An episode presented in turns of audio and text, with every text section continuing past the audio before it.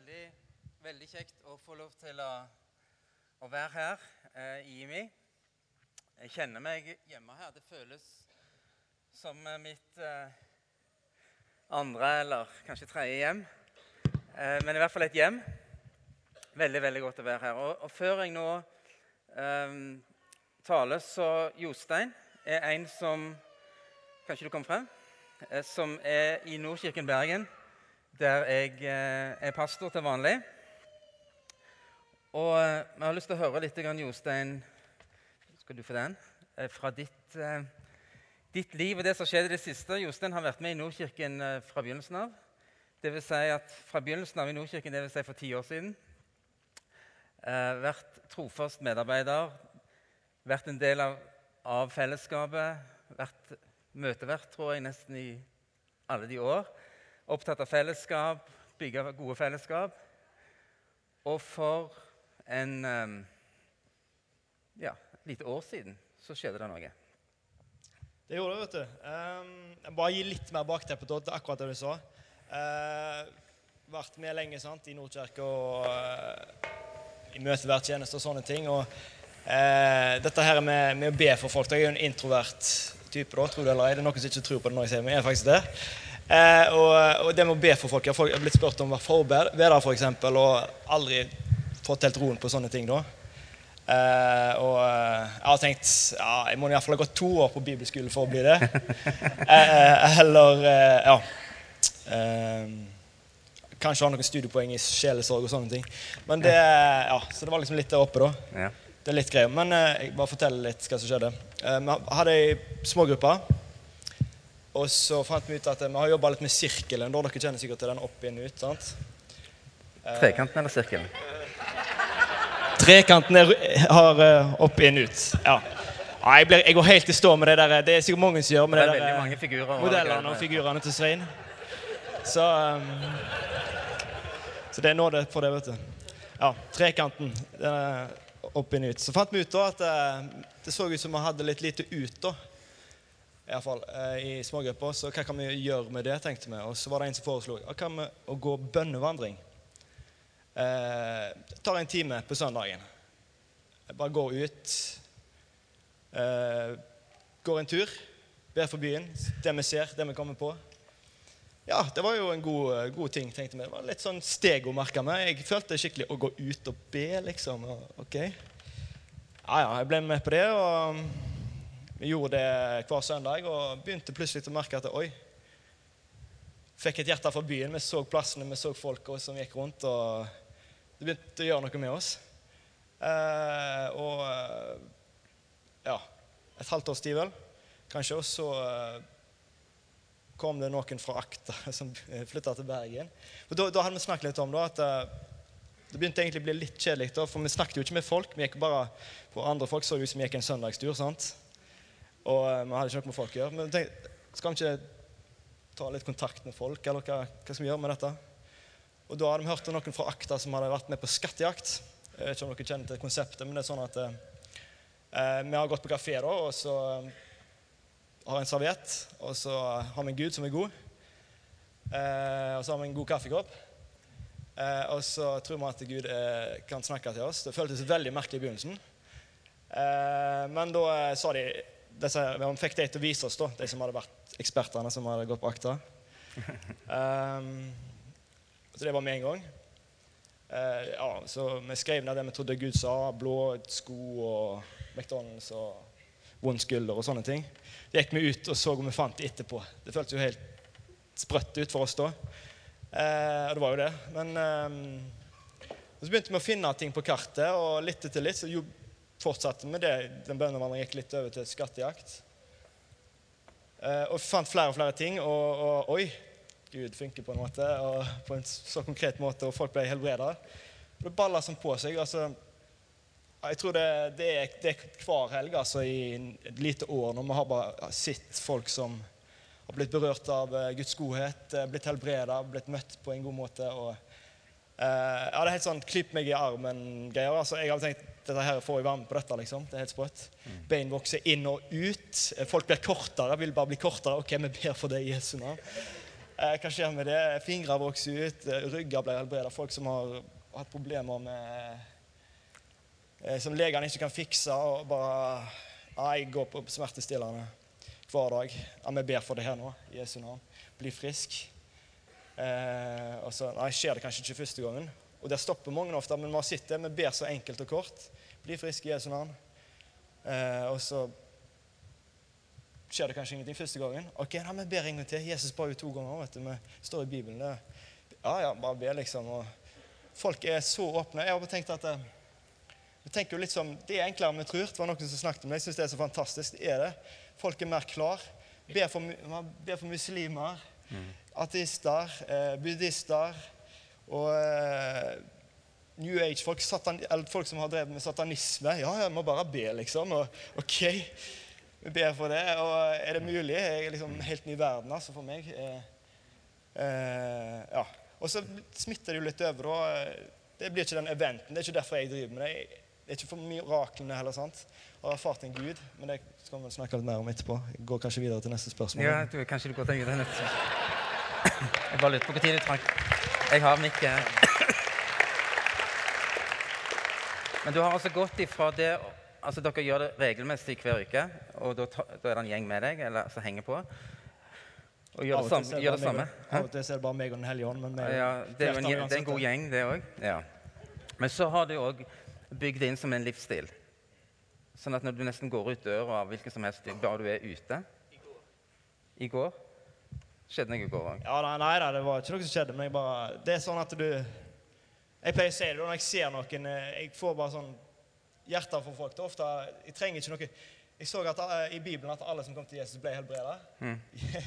ok, Vi må lese Bibelen gjennom det levende ord, som er Jesus. Mm. Alle kom til han og ble helbreda. Ok, da er det Guds vilje at alle skal bli helbreda. Og så av og til får jeg en tanke.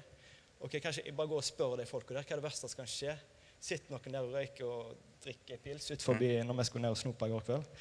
Ut forbi Narvesen, eller hva det var. Og, eh, men det var ikke noe spesielt. Jeg hadde ingenting. De var kristne, liksom. Oi, driver du med sånn? Liksom. Ja, jeg, jeg pleier å si det, da.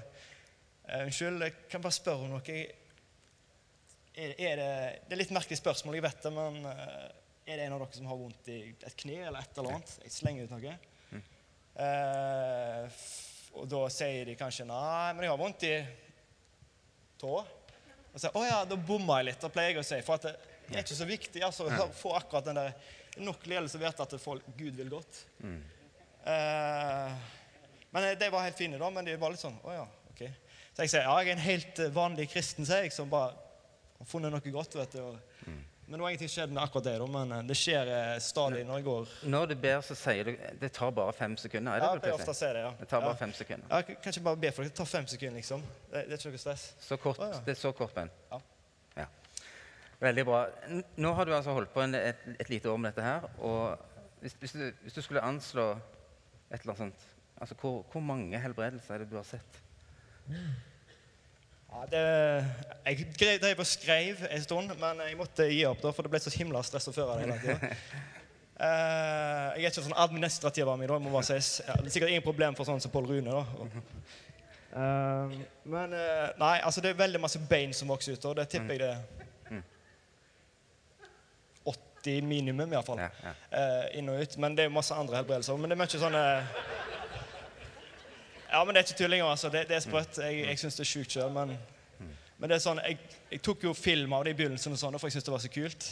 Og, for å vise det og sånn, Men det, det er liksom den kjedelige helbredelsen Nei, det er ingen kjedelige helbredelser, da, men det, det er Det skjer om igjen og om igjen. om igjen, og om igjen. Til slutt tenker jeg på hva, hva, hva, hva er det som har gjort at denne endringen altså Hva er det som har vært viktig for deg i denne endringen? på en måte? Hva har vært Ja, det Du fikk noen å gå med ut, og du har, eh, og du har tatt stegene og du har gjort de, de tingene. Men er, det, er det andre ting som ligger her? Uh, nei, det som har ligget litt sånn og Mura har jobba med meg i flere år, det er det med sant, identitet. Jesu dåp. Bare sette navnet sitt inn i den historien der. Himmelen åpner seg, Faderens røst. Du min sønn, den elskede som jeg har mitt behag i. Min glede, min glede i. Du er så akseptert. Du, det er ingenting. Før du har gjort noe, ting, før Jesus har gjort en ting. Et under. Han har ikke dømt på korset, han har ikke gjort noe. Jeg liksom bare, setter, bare gå med den hver dag. Jeg har gjort det, altså. Det er så fantastisk. Jeg trenger ikke gå ut. Gud er fornøyd med meg. Eh, det har ingenting med det å gjøre. Jeg må bare skille den. for at Selv om jeg ikke har uttalt det før, kanskje, så er det så lett for å bare gå i den åh, jeg må please Gud. liksom, og ja, Jeg burde jo gjøre det og det, for det er jo en god kristen gjør jo det. Men det ja, bare liksom, det, det er så sterkt bare å vite da, at eh, jeg gjør ikke dette for å bli akseptert, for å bli tilgitt, for å bli elska, men fra det, liksom, at bare har den medvinden. at det, Så det, det, er liksom det kanskje viktigste. Men i tillegg så vil jeg si vitnesbyrdene. Altså, jeg, jeg gikk på YouTube, jeg begynte å bli interessert i dette. Bare så masse filmer. Er det så enkelt å be for folk? Er det så enkelt at de bare tar med deg Trenger ikke ha kamera, men de har jo det. Gå bort til noen, snakk med dem. og mm. Har du vondt en plass, liksom? Jeg ser du har en eh, sånn bandasje. Hva er det som har skjedd? Kan jeg spørre om det? Altså, eh, bare gi, gi meg, gjør meg en tjeneste, gi meg hånda di, og så bare ber de uten å spørre. liksom, Jesu navn, bli frisk. Bare prøv nå. Ja, frisk. Fantastisk. sant? Ja. Er det så lett? Eh, altså, det koster Jeg, jeg er litt Jeg holdt på på fredag, da, når eh, Jeg må bare si det, da. Eh, jeg lærling, det koster mer. Ja, det koster masse for Jesus. da, jeg er helt enig. Det koster utrolig masse for han. Jeg eh, tror at eh, alle er helbreda. Altså, I hans sår ble vi helbreda, står det i nye Det er preteritum. Eh, på korset, da. Der betalte Jesus prisen for vår legedom. Altså, Jeg må bare holde det opp sin sannhet. Jeg, alle jeg ber for, blir ikke friske. Men jeg må bare holde det opp som min sannhet, og så får heller jeg komme etter med erfaringene. Og, men til flere du ber for, til flere blir friske. Og, eh, det koster mindre og mindre, vil jeg si. da. Det er kanskje bedre å si. da. Det koster kanskje litt Jeg vil heller bruke ordet uvant i begynnelsen. Ja, altså. Det er enklere enn du tror, og det er uvant i begynnelsen. Mm. Iallfall det med Men eh, så, så blir du vant med det. Og da eh, blir folk helbreda på Bybanen og på bybanestopp. og på, ja, Du snakker med folk inne på Carlings, Checkersen på Carlings. liksom. Har du noe som Har du vondt en plass? liksom, og sånne ting. Det er ikke meg. Eller det er meg, det er det det er. sant? Det er det jeg har funnet ut. Jeg har ikke blitt en annen. Jeg har bare oppdaga Kim. Som bor i deg. Som bor i meg, ikke sant? Og, og eh, Kim, Kim jeg aldri, har vært hele tida, på en måte. Og så begynte å leve han ut. da. Veldig bra. Ja. ja jeg tror vi sier tusen, tusen takk. Kjempe.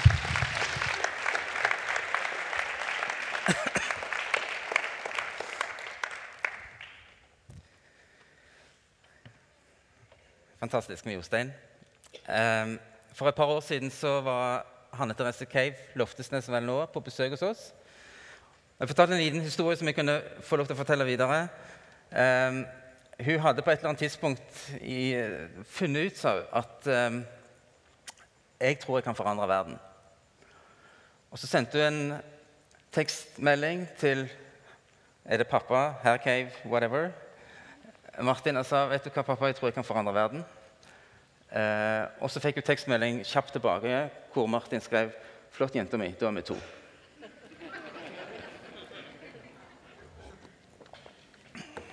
Og Den historien har ikke sluppet tak i meg av flere grunner. Det ene er at uh, sånn kan generasjoner stå sammen. Vi skal ikke outsource alle disse tingene som handler om å se mennesker helbrede eller forvandle verden til en ung generasjon. Det er generasjonene sammen som skal se dette skje. Og som skal stå, stå sammen og se det samme bildet. Uh, og det andre uh, er det at Hva er det som gjør at en begynner å tenke sånne tanker. At jeg kan forandre verden. Og Det er noe av det som jeg eh, har lyst til å si noe om i dag. Fordi at Gud har kalt oss til innflytelse. Og Jeg er vokst opp i en setting, og kanskje noen drar, dras med det samme, der, der min kristendomsforståelse var defensiv. Det var um, Verden var sterkere enn en Gud, nesten. Du må vokte deg for det. Du må, ikke, du må, du må, du må forsvare deg, du må ta vare på det. Du må, holde fast ved. Alt er helt rett og helt bra. Vi skal ikke undervurdere kreftene i verden rundt oss. Men Gud, Jesus Kristus, har kalt oss til helt andre ting. Han har sagt vi er lys, og lyset er sterkere enn mørket. Han har sagt at vi er jordens salt. Han har sagt at vi representerer et rike som, en, som en surdeig, som setter preg på ting på en måte som gjør at du kan ikke kalle det tilbake igjen. Surdeig kan Har det først satt sitt merke på noen, på noen mennesker, så er det aldri forgjeves. Det kan ikke kalles tilbake igjen. Vi er kalt til en type innflytelse med godhet, med å se mennesker få erfare hvem Gud faktisk er i våre omgivelser. Vi er kalt til den. Og den skjer ved Nå skal jeg bare prøve å koble meg på her, så vi ser om det går.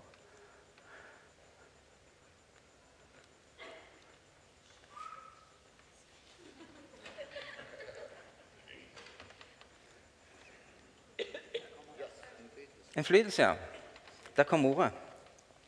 Og vi er kalt til å la den innflytelsen bli virkelig gjennom Og jeg tror at noe av nøkkelen er at sinnet vårt fornyes.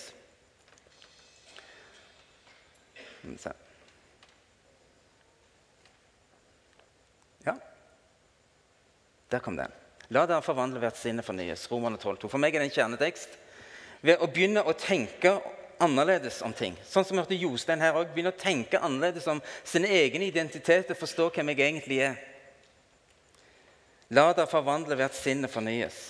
Omvendelse betyr egentlig å tenke nytt. Det handler om å begynne å venne seg til en ny tanke om seg sjøl, om Gud og om den verden du er en del av. Jeg er vokst opp med at kampen sto først og fremst der ute. Kampen var først og fremst på arbeidsplassen eller på, på, de områdene som er berørte der ute. Der står den store kampen i en kristens liv. Og Mer og mer så ser jeg at den største kampen står i mitt eget sinn og mitt eget trossystem og min egen tanke. For det er der det begynner. Der er det en kamp mellom løgn og sannhet. Og løgn som er sånn Gud finnes ikke, den er ikke vanskelig å avsløre. Det er ikke sånn type løgn jeg snakker om, men det er den type løgn som har så mye sannhet i seg at vi aksepterer den. Vi tar den inn og sier dette, dette, dette hørtes jo riktig ut. Men den har tilstrekkelig løgn i seg til at vi blir ført på avveier og får avdrift i livet vårt og tjenesten vår og alt det vi står i. Den løgn som til forveksling ligner sannhet, er det noe av det aller, aller vanskeligste å håndtere i vårt eget sinn. Løgn som er det motsatte, er ikke vanskelig å håndtere og avsløre. I Lukas kapittel 4 så kommer Jesus til Nasaret, til sin hjemby. Og han blir rakt bokrullen, dagens tekst, leser fra Jesaja 61 og sier 'Herrens ånd er over meg'. Og Så leser han denne fantastiske teksten om om å sette mennesker i frihet, undertrykte fri, rope ut et nådens år. Og så skjer det noe i dette rommet, i hjemmekommunen, i hjembygda, i hjemmemenigheten, hjemmesynagogen til Jesus. Så sier Jesus i dag er dette opp, ordet oppfylt mens dere hørte på. Og Forskere sier at det var ca. 300 år før Jesus kom, med en aldeles åndelig tørke i israelsfolket. Ingen profeterte, ingenting skjedde. 300 år er en lang tørke-ørkentid. Og Så kommer de inn og så ser de, der står en og sier 'Herrens ånd er over meg, han har salva meg. Jeg er Messias, og jeg er her for å sette mennesker fri.' Og Plutselig så skjer det noe i det rommet som er aldeles fantastisk, inntil en sier ja, men ikke dette Josef sønn. Og så snus hele situasjonen. Og Hvis vi leser den samme historien i Markus 6, så sier de Er ikke dette tømmermannen? Sønn av Maria, bror til Jakob, Joses, Judas og Simon? Og bror ikke søstrene her hos oss? De ble forarget og avviste ham. Hei, alt snur. Og Det var jo ikke det at han ikke var Josefs sønn. Det var jo absolutt noe å være stolt av. Josef er jo en kar som må heies virkelig frem. Mener jeg. Det er ikke bare bare å være forlova med noen og, og, hvor forloveden kommer og sier du, jeg er blitt gravid, men det er ikke med en mann. Men det kommer en engel. Så skal du være skikkelig mann for å ta et familieansvar og være far. Og familierettslig far for Jesus. Han var Josefs sønn, men Josefs sønn er ikke Messias. Han setter ikke mennesker fri. Det var sant. Det var helt ærlig, oppriktig sant. Han er jo Josefs sønn, men det var ikke hele sannheten. Så Nazaret sitt tankesett, mindset, som det heter fint på nynorsk, er jo dette at, at Jesus begrenses til noe som ikke har innflytelse. Josefs sønn har ingen spesiell innflytelse, men Messias har det. Og det er en slags de ordene som er blitt værende med Nasaret, er dette Jesus kunne ikke gjøre noen mektig gjerning der, bare legge hendene på noen få syke og helbrede dem. Hans innflytelse ser det ut for ikke ble realisert fordi det var en måte å tenke om han på som sa ja, men dette er jo bare Josefs sønn. Det går an å være 100% ærlig, oppriktig og likevel ikke 100% sann. La meg nevne noen eksempler for hvordan dette tar seg ut i livene våre.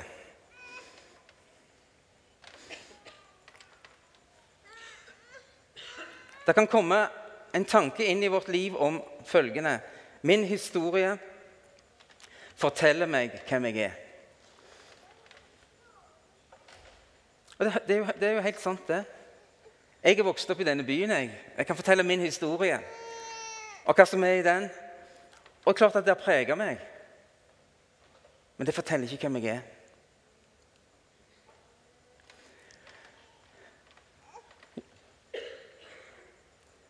Josefs sønn. Hvis, hvis, Jesus skulle ta, hvis Jesus skulle bare ta sin historie sånn sett og si jeg, jeg har mine 30 år, jeg er tømmermann, jeg er Josefs sønn, det, det, that's it. Men det er en sannhet som er større, som former Jesu identitet. Og det er at han er Messias, Guds sønn. Sannheten er at det er Gud som definerer hvem vi er. Det er nøkkelen i det som vi hørte om fra Jostein her. Det er Guds sannhet som definerer hvem vi er. Vår identitet i Kristus. Det er det han har sagt om meg, som gjelder for meg. Og jeg tror Ofte så har vi kanskje tatt Guds ord, Bibelen, som, sånne, som en mening blant flere. Ja, ja, du syns nå det, du, ja.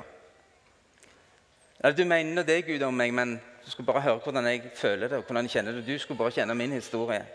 Men når Gud sier noe, så er det sånn. Når Gud sier noe, så er det sånn. Det er han som definerer oss. Det er han som sier hvem vi faktisk er. Og det er det som står. Når han sa det ble lys, så ble det lys. Hvis han sier til Simon du er Peter da er ikke det bare en mening, et blogginnlegg, en Facebook-oppdatering. Men det er faktisk sannheten om Simon, at han er Peter, klippen som Jesus vil bygge sin kirke på.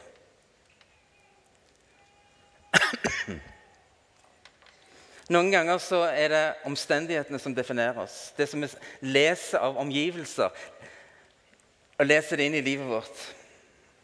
Og jeg tror En av de tankene som kommer, den kampen som står inni oss, er dette.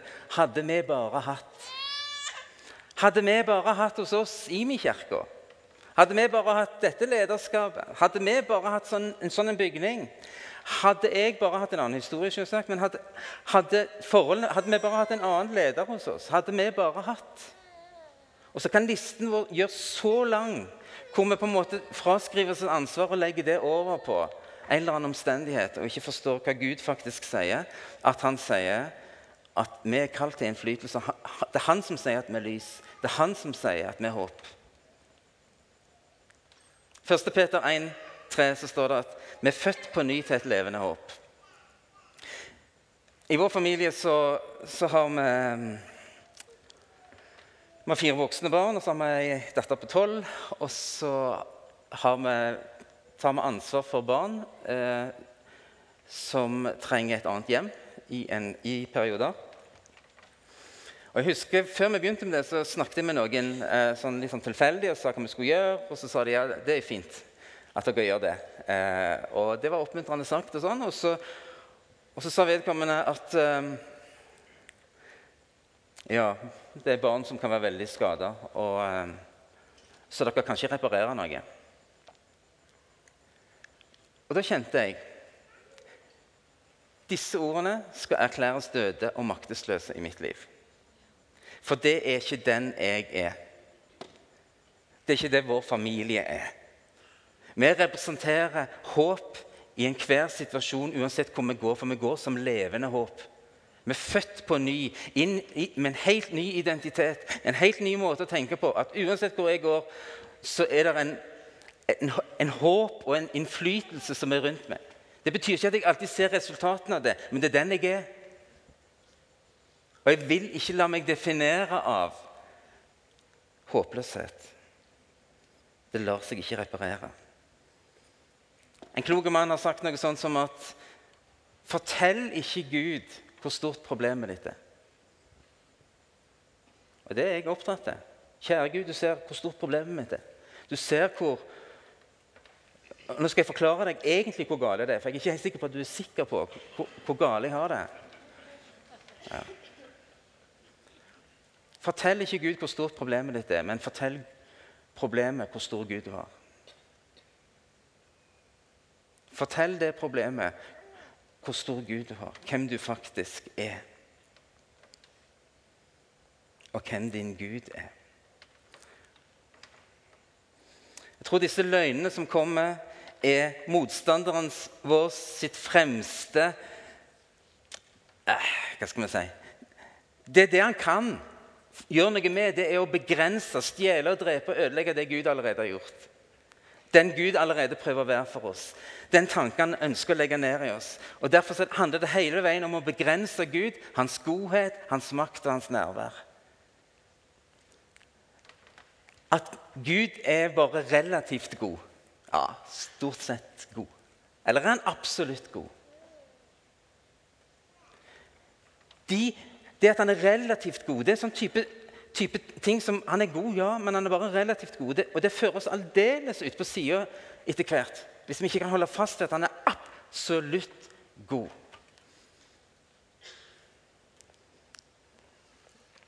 Og En annen av de løgnene som sniker seg inn i denne, er at du er helt isolert. Han isolerer oss og, og det vi står i, sier om du er helt alene med. Eller andre har han helbreda, men det kan han ikke helbrede.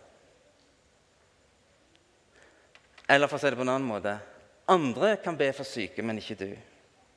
Andre kan han bruke, men ikke deg. Det er en strategi om å stjele, drepe og ødelegge. Og det går på vårt sinn og vår tanke og måten vi tenker på. Og Bibelen er vår løgndetektor. Jesus sier, 'Bli i mitt ord'. Da er dere virkelig mine disipler. Da skal dere kjenne sannheten, og sannheten skal sette dere fri.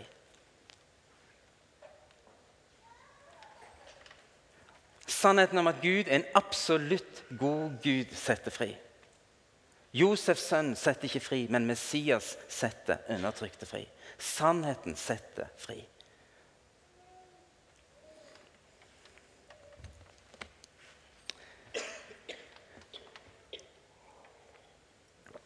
Hva, må vi gjøre med det? Jo, vi må, vi må tenke nytt. Det er vår omvendelse. Og så er det fort gjort å tenke ja, men dette er jo bare kognitiv terapi på det beste. Eller et eller annet. Det er sikkert elementer av det i det òg. Men jeg tror at det å forankre sitt liv i Bibelens sannhet om hvem Gud er, hvem jeg er, og hvordan jeg skal se på verden omkring meg, er nøkkelen. Ikke bare til å leve i frihet, men til å leve alt det livet som Gud har kalt meg til å leve. Og Det er tre ting som jeg har lyst til å nevne. For vi trenger å bytte ut. Og jeg, jeg tror, altså De siste 20-30 årene så har jeg møtt mennesker som alle er mot janteloven i Norge.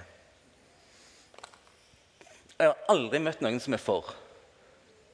Alle er mot. Og Den kommer opp igjen på nytt og på nytt. Ja, men vi er jo mot den.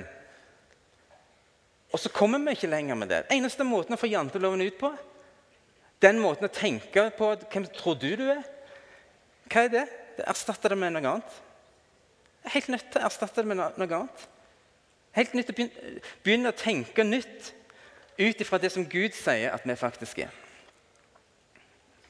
Og det vi trenger å gjøre, det er å se det Gud ser.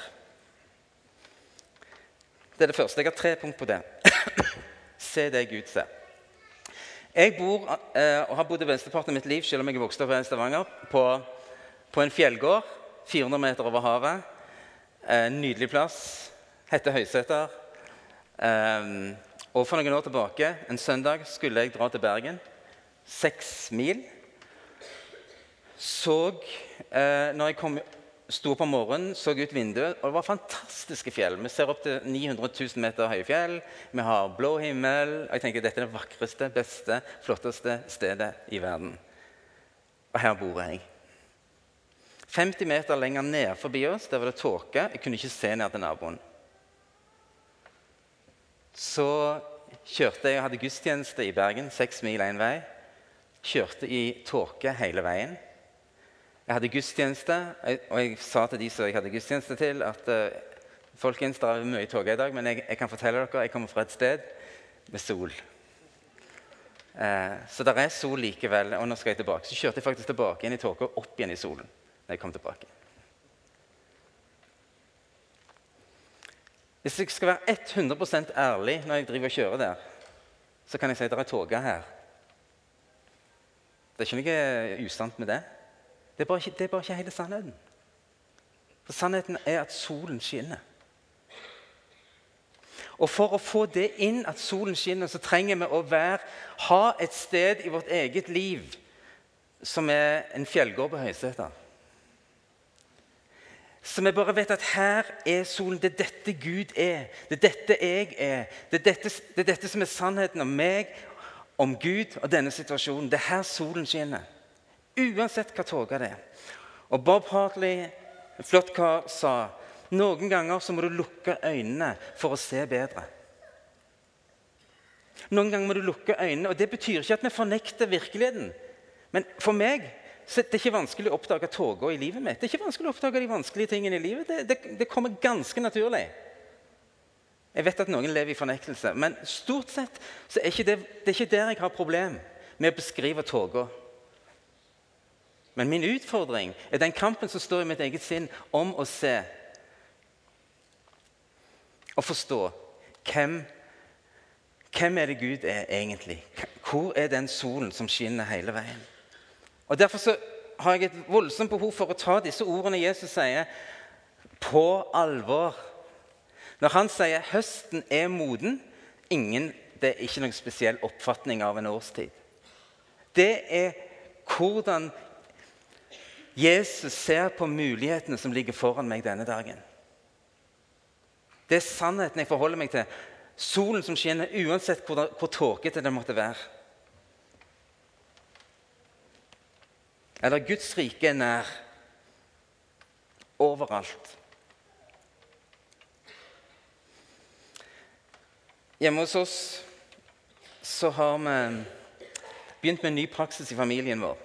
Ehm, jeg vet ikke om noen av dere som er foreldre, har, som har barn som går på skole, eller sånne ting, eh, har erfart det og spør. I hvert fall det gjorde jeg. Jeg spurte hvordan har dagen din vært. Sitter med middagen og sier hvordan har dagen din vært. Har det skjedd noe på skolen? Nei, ingenting. Ja, hva gjorde dere da? Nei, det vanlige. Ja, hva er det vanlige? Nei, sånn vanlige ting. Det var liksom som å, det, å hale noe ut av hvert fall våre ved middagsbordet var helt sånn uh, Skjer det ingenting på den skolen din? Nei. Nå. Så har vi begynt å spørre hva godt har skjedd i dag.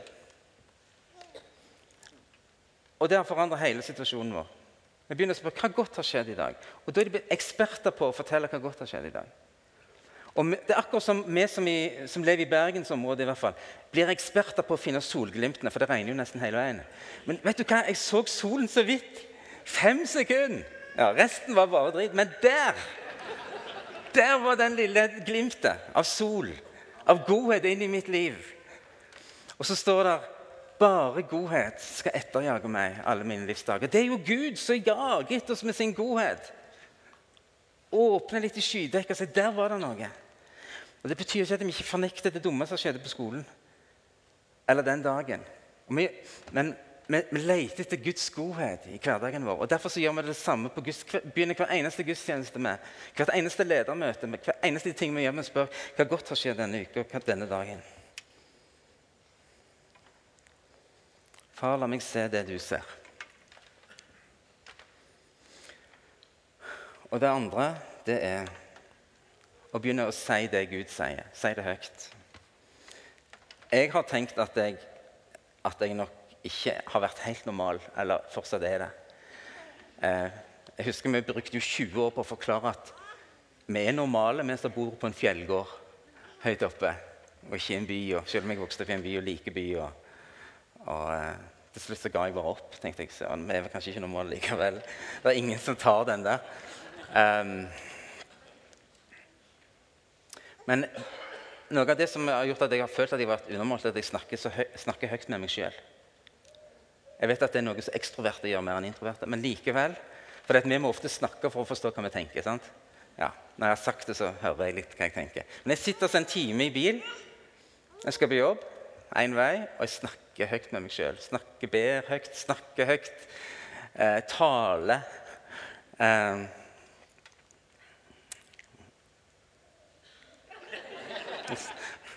Litt redd for blikkene nå, men OK. Men så, så har jeg mer og mer skjønt at det å si tingene høyt er en nøkkel.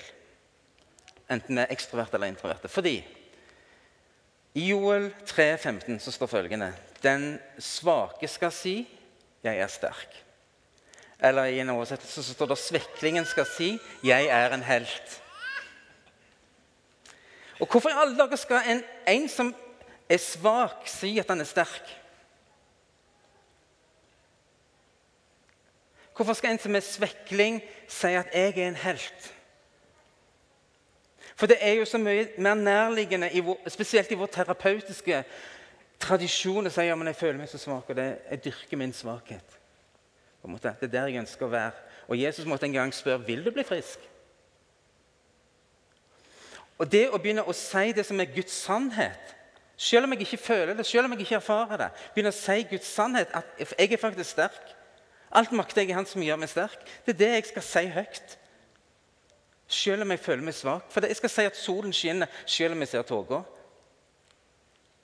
Jeg skal si at jeg er salva av Gud til å ha innflytelse, selv om jeg inni meg bare kjenner meg som Josefs sønn og kjenner meg veldig liten. Fordi Romerne 10, 17 sier for troen som vi trenger, dette nye tankesettet, kommer av forkynnelsen eller hørelsen. Det går ut sånn, det går ut sånn, og så kommer det inn ørene, og så går det ned i hjertet og trossystemet og tankesystemet vårt. Det er sånn vi gir dette mat. Vi er nødt til å gi dette mat, og det gjør vi ved å høre forkynnelse, men òg forkynne til oss sjøl. Så det skal vi gjøre. Hva om vi nå bare snur oss til disse flotte menneskene som er rundt oss. Og så sier vi, sånn som det står i Joel 3,15 Du er en helt. Skal vi gjøre det?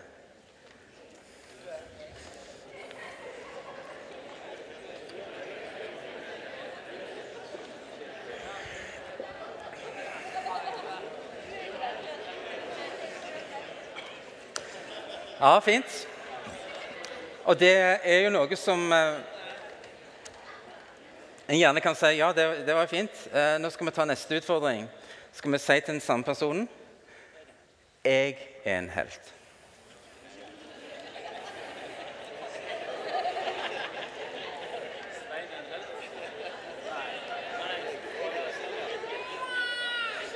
Det var ikke sånn at alle skulle si at jeg er en helt, egentlig. Du skulle si det sjøl. Okay. Vi er nødt til å begynne å si det høyt, så velkommen til de som ikke helt Det er en som har skrevet en bok som heter 'You're crazy if you don't speak to yourself'. Så uh, det trøster jeg meg til. Den tredje og siste tingen jeg har lyst til å si, er dette at vi trenger å, å skaffe oss en ny historie. Fordi at det som fort skjer i de angrepene som skjer i vår egen tanke, er det at, uh, at vi blir så utrolig påminnet våre nederlag og vår historie, det vi ikke fikk til, og det vi ikke lykkes med. Hvem tror du at du er? Eh, og spesielt når vi skal ta nye steg som kristne og være med på det Gud gjør, og sånne ting, så sier vi at jeg har jo ingen erfaring, jeg har jo ingen historie å vise til. Jeg er jo bare jeg er jo bare en Simon, jeg er jo bare en Josefs sønn. Jeg er jo bare, bare, bare. Og da er det fantastiske at Gud har satt oss inn i en familie. I sin egen familie. Og det han sier til oss, er dette Det som gjelder de andre barna i min familie, det gjelder òg deg. Det jeg har gjort før, det vil jeg gjøre på nytt. Jeg elsker å gjøre ting om igjen. Jeg er den samme i går og i dag og til evig tid. Jeg tenker at jeg har en familie som er Abraham, som er Moses, som er Ester, som er Timoteus, som er Peter, som er Luther, som er Hans Nilsen Hauge, som er Bill Johnson eller Heidi Baker eller whatever. Det er min familie. Og fordi at vi har samme pappa og vi er like mye favoritter alle sammen, så må min måte å tenke på være at det han har gjort i de, det kan jeg jo gjøre i meg òg. Hvorfor ikke? Hvorfor ikke? Men det, det som motstanderen må gjøre, det er at han ønsker å isolere dette her. Sier men det gjelder, jo, det gjelder jo bare de. Når jeg hører Jostein fortelle om 80 sånne føtter som vokser ut Jeg ser for meg 80 føtter, men eh, ja. Eh, så tenker jeg men, å ja, men da kan jeg sette meg ned og beundre han. Da, da, da, da lager vi en liten helteglorie rundt han som, som handler om det. Nei, jeg kan ikke tenke sånn. Jeg må tenke at Det som han gjør der, det gjør han her. Den samme ånd som bor i meg, som bor i deg, som bor i han. Det er en, historie fra Bibelen i Markus 8 som jeg syns er helt, helt fabelaktig. Der det står Jeg tror vi bare skal må bare, Vi må bare, må bare lese den, altså, for den er bare helt utrolig. Markus 8. Og så er jeg i ferd med å lande.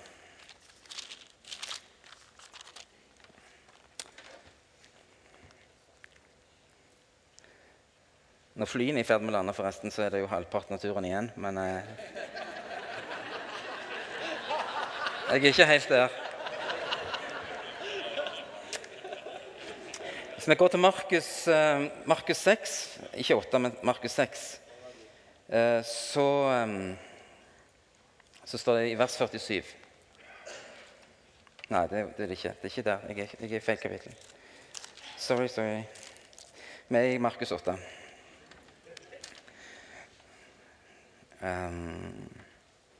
vers 14, der står det. Men disiplene hadde glemt å ta med brød. Disipler og mat må noen skrive en bok om snart, for det er jo noe helt spesielt. De hadde bare Det er jo en av de inngangsportene jeg har til disippelskap. det er jo mat. Um, de hadde bare ett eneste brød med seg i båten. Jesus ga seg til å advare dem og sa pass dere og hold dere unna fariseernes surdeig og surdeigen til Rodes.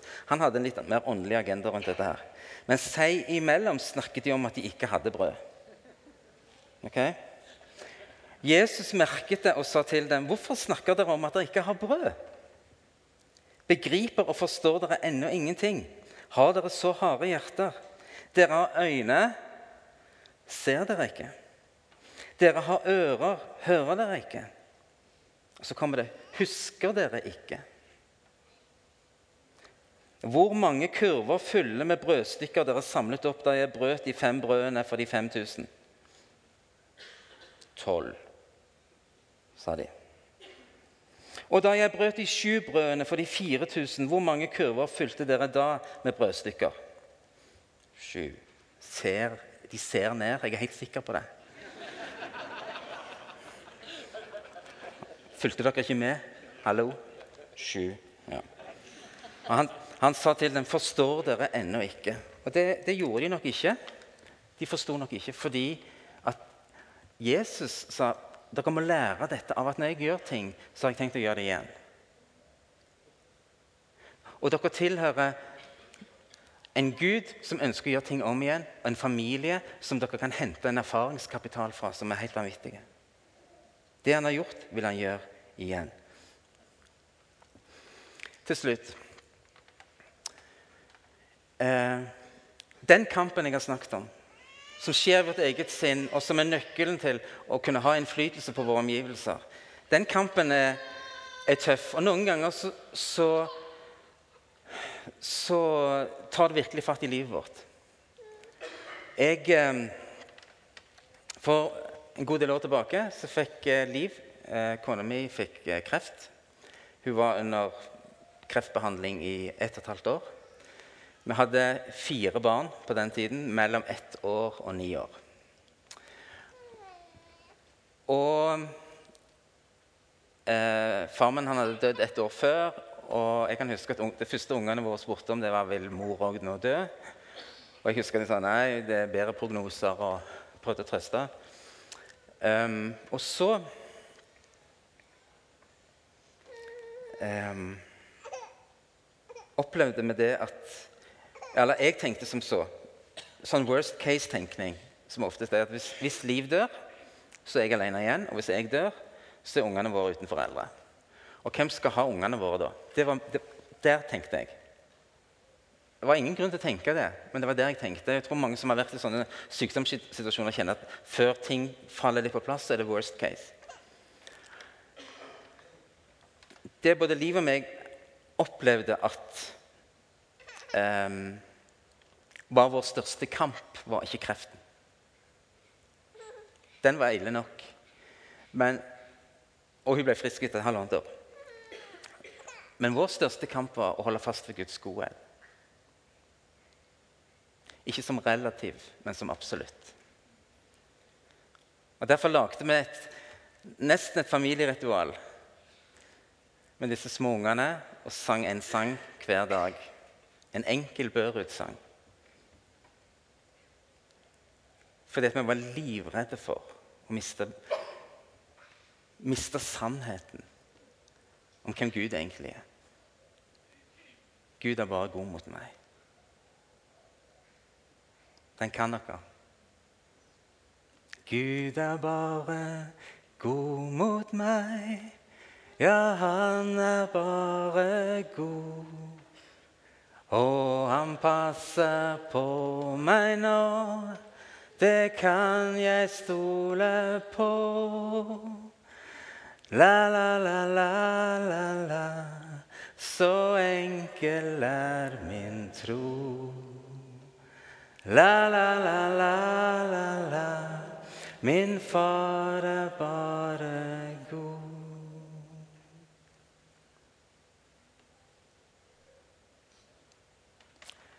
Jesus, jeg har lyst til å takke deg for din absolutte godhet. Og at du er sannheten som, kjenner, som setter absolutt fri. Og Herre, jeg bare ber om at vi må få lov til